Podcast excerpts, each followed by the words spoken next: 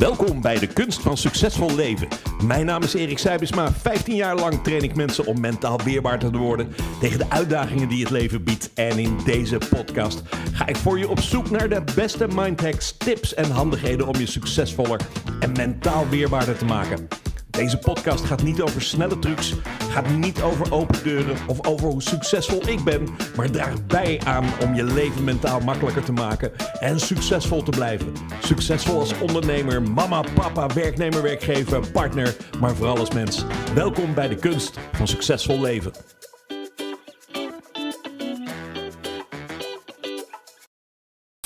En dat is natuurlijk ook maar een mindset. Ik, ik geloof dat mensen helemaal niet weten wat het is om vrij te zijn.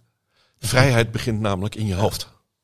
En, en ik kom terug op het voorbeeld van die boekhouder. Als je denkt dat je een boekhouder bent en je denkt dat je een boekhouder blijft voor de rest van je leven, heb je één ding niet: vrijheid.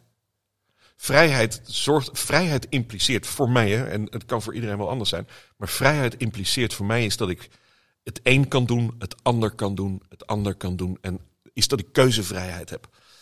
Maar als ik vastzit in iets omdat ik niet meer risico's wil nemen, ben ik niet meer vrij. En, en eh, daar waar je je zeker je comfortzone, ik vind zo'n takkenwoord, moet ik je heel bekennen, maar daar waar je opgeeft is, de zekerheid opgeeft, begint vrijheid. Je, je kunt niet zeggen van ik ben hartstikke vrij, maar je blijft het hele leven boekhouder, omdat je denkt dat je je hypotheek moet betalen. Dan verkoop je je huis, ja, dan blijf je over met een tonnetje schuld.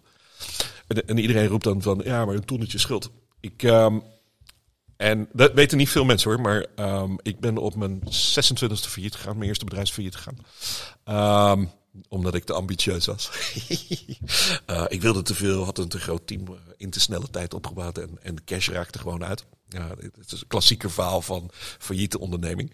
En, uh, en ik moest met lood in mijn schoenen, moest ik naar de huurbaas lopen en zeggen, joh, beste, en uh, hij heet het meneer, meneer Tuit of meneer Tuitert, nou ja, weet het niet meer. En meneer Tuitert kwam altijd ongeveer zijn Porsche naar binnen rijden en zo. Uh, hele, had overal het goed en zo. En ik moest naar hem toe lopen en zeggen van, joh, weet je, beste, beste meneer Tuitert, ik kan de huur niet meer betalen. Dus hij zit me aan te kijken. Hij zegt, ja, hoeveel schuld heb je? Ik zeg, nou, ongeveer een tonnetje. En, in, in toen nog. En hij zei tegen mij, Erik, waar lul je over? Wat is nou een tonnetje? En ik zat hem aan te kijken. Ben je niet goed bij je hoofd of zo? Maar ik heb die regel is zo blijven plakken. In, in de zin is dat ik hem nu nog steeds gebruik als van... Erik, wat is nou een tonnetje? En, en dat geeft dan een mindset. Overigens, dat, dat tonnetje schuld had ik binnen een jaar terugverdiend. Netto. Je had het terugverdiend? Ja, netto. En, en die les van meneer Tuiter, die oude huurbaas, is, heeft zo'n prominente rol gespeeld in mijn leven. Wat is daar een tonnetje? En dus die, we zijn het gewoon gewoon halen. Um, is, is, is, is dat wanneer je zo denkt, is dat je de ultieme vrijheid ervaart. Wat is nou een tonnetje? Dat ga je toch halen? Ja. In plaats van, oh shit, een tonnetje en je blijft voor de rest van je leven vastzitten in 100 euro per maand afbetalen. Nou, wil niet zeggen is dat mensen die dan in zo'n situatie terechtkomen en dat dan anders doen dan dat ik doe, dan minder zijn of wat dan ook. Want sommige dingen zijn echt wel problematisch. Um, maar ik, ik geloof echt dat ondernemerschap niet zozeer zit in de vaardigheden die je hebt om, om dingen te doen als trainen, als dingen verkopen. Maar hem voornamelijk zit in de mindset, in, de drive om iets te betekenen voor de wereld. Daar, daar geloof ik heilig in. En dat creëert pas vrijheid. Dus ik, voor mij, als mensen zeggen, ja, maar ik ben vrij, geloof ik er geen zak van. Want je zit nog steeds in je baan van 9 tot 5 en dan blijf je zitten. Als ik tegen jou zeg, wat zou je willen doen? Nou, ik zou wel willen boeren in Zwitserland. Of ik zou wel, ja, waarom doe je dat niet? Ja, ja dat weet ik, ja, nou ja, dat weet ik niet wat mijn omgeving er wel niet van zou zeggen. Ik heb geen geld, weet ik veel wat. Is, kun je nooit vrijheid ervaren. Schot gaan zo mogelijk. En ja, nou, ik, ik hoop daar mensen mee te stimuleren, is dat ze daarin ook echt de keuzes gaan maken. Ja. Maar, maar bij jou zou ook het uh, rad eerst moeten gaan draaien, toch? Of was het nu om, uh, om de man met de Porsche even aan te nemen? Um, ja, was dat gewoon een abrupte verandering? Nee, Nou, Moest je eens goed nadenken en vervolgens kwam het een en het ander naar voren? nee. Dat, nou, nou ik wil niet zeggen dat het abrupt was. ik wou bijna zeggen, Remo Porsche ook naar buiten. En gingen er zo over nadenken. Nee, nee, nee. Geen. Eh, want de leaseauto's waren zojuist weggehaald. en ehm, nee, maar ik heb er toen... In, en ik reed met de tram terug naar huis. En ik heb er toen wel over na zitten denken. En zeggen van, goh, ja... Wat, ik, ik was eerst boos op de beste man. Joh, zei niet, je neemt me niet serieus. En wat, wat is nou een tonnetje? hey, ik heb het niet. Jij misschien wel. Uh, maar later begon ik erover na te denken. En bedacht me bij mezelf van, ja, hij heeft, hij heeft wel een punt. Als je... Je kunt twee dingen doen. Je mindset kan schuiven naar... Het is het ergste wat me in mijn leven is overkomen. Ik kan niet meer verder. En volledig depressief worden. En, en gaan zitten janken. Bij de pakken Mhm. neerzitten. Of je bedenkt je bij jezelf... hey, ja, wat is nou een tonnetje? En je gaat dat tonnetje halen. En, en dat was niet... Ik had niet de volgende dag dat tonnetje... Nee. Maar ik heb wel al het mogelijke gedaan om dat tonnetje bij elkaar te harken. En, en mensen weer terug te betalen. En, zodat ik weer schuldenvrij was na Ja. een jaar. Ehm, dus, dus nee, het kwam niet abrupt, maar het kwam wel snel. Je hebt ongetwijfeld ook mensen gecoacht, Ja. toch? Ja. En nou ja, eerst ontstond er ook van wat ik zojuist heb gehoord, ook een klein beetje weerstand dat je boos op hem was. Ja, wat is Ja. nou tonnetjes, veel geld en zo. Ik, ik weet niet precies wat je dacht in, eh, in de tram. En vervolgens ging het wat draaien.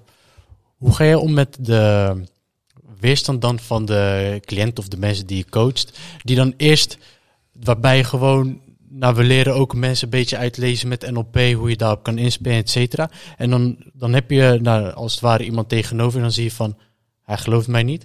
Eh, dat, is, dat is kut voor hem als het ware. Hoe ga jij dan op dat moment ermee om? Want dan, is, dan gelooft hij jou eerst niet. Na twee maanden, nou, dan komt hij bij je terug. Hé, hey, grote vriend. En Ja, maar weet je, het is, het is en ik, misschien spreek ik er te makkelijk over, dat weet ik niet, maar het is heel makkelijk. Als ik mensen coach, ik heb een model van de wereld, ik, ik denk over bepaalde dingen na. Maar degene die gecoacht wordt, denkt ook na over bepaalde dingen. Ehm, iemand die gecoacht wordt met, met een uitdaging, met een probleem, hoe je het ook wil noemen, zit gevangen in zijn eigen wereld en heeft geen keuzevrijheid. Had hij dat wel gehad, had hij mij niet besteld. Dus iemand zit vast in zijn eigen kooi. wauw. En, en wat mijn taak is als coach om te kijken is of hij de sleutel kan vinden. Is of hij kan zeggen van oké, wacht, of, of zij. Ehm, ik heb nu de sleutel, kan die kooi open doen, kan er buiten stappen. Ik kan ook in die kooi blijven zitten. Want keuzevrijheid impliceert is dat je eruit kunt stappen, maar er ook in kunt blijven. Wat je wil. Het is, het is namelijk jouw keuze. Als je alleen in, in een gesloten kooi zit en je kunt alleen naar buiten, heb je ook geen keuzevrijheid meer.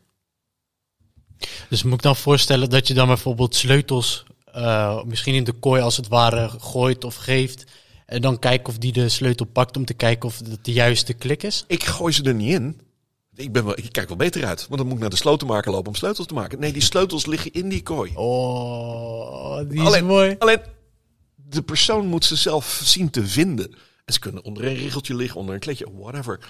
En, en, en als je mensen kunt motiveren, stimuleren om te, op zoek te gaan naar die sleutel in die kooi, zijn mensen ultiem creatief, want dat geloof ik dan wel eens, om die sleutels te vinden. Ja. En dat kan zijn is dat het binnen twee minuten is. Kan ook zijn dat het twee maanden duurt. Kan zelfs zijn dat is tot anderhalf jaar duurt. En het- ik heb ook wel eens gehad dat mensen zeiden van... joh, ik heb aan jou niks als coach, maar me anderhalf jaar later opbellen en zeggen dankjewel.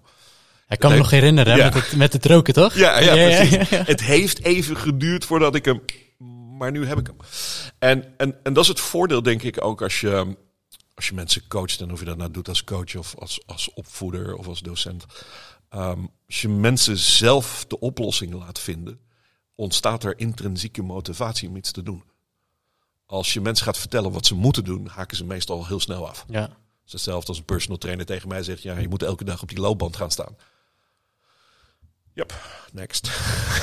ja, zo werkt dat. Maar als je, als, je, als je de motivatie in mij zou kunnen vinden om het elke dag te doen, is het een eitje. Dan eh, rij je elke dag naar die sportschool.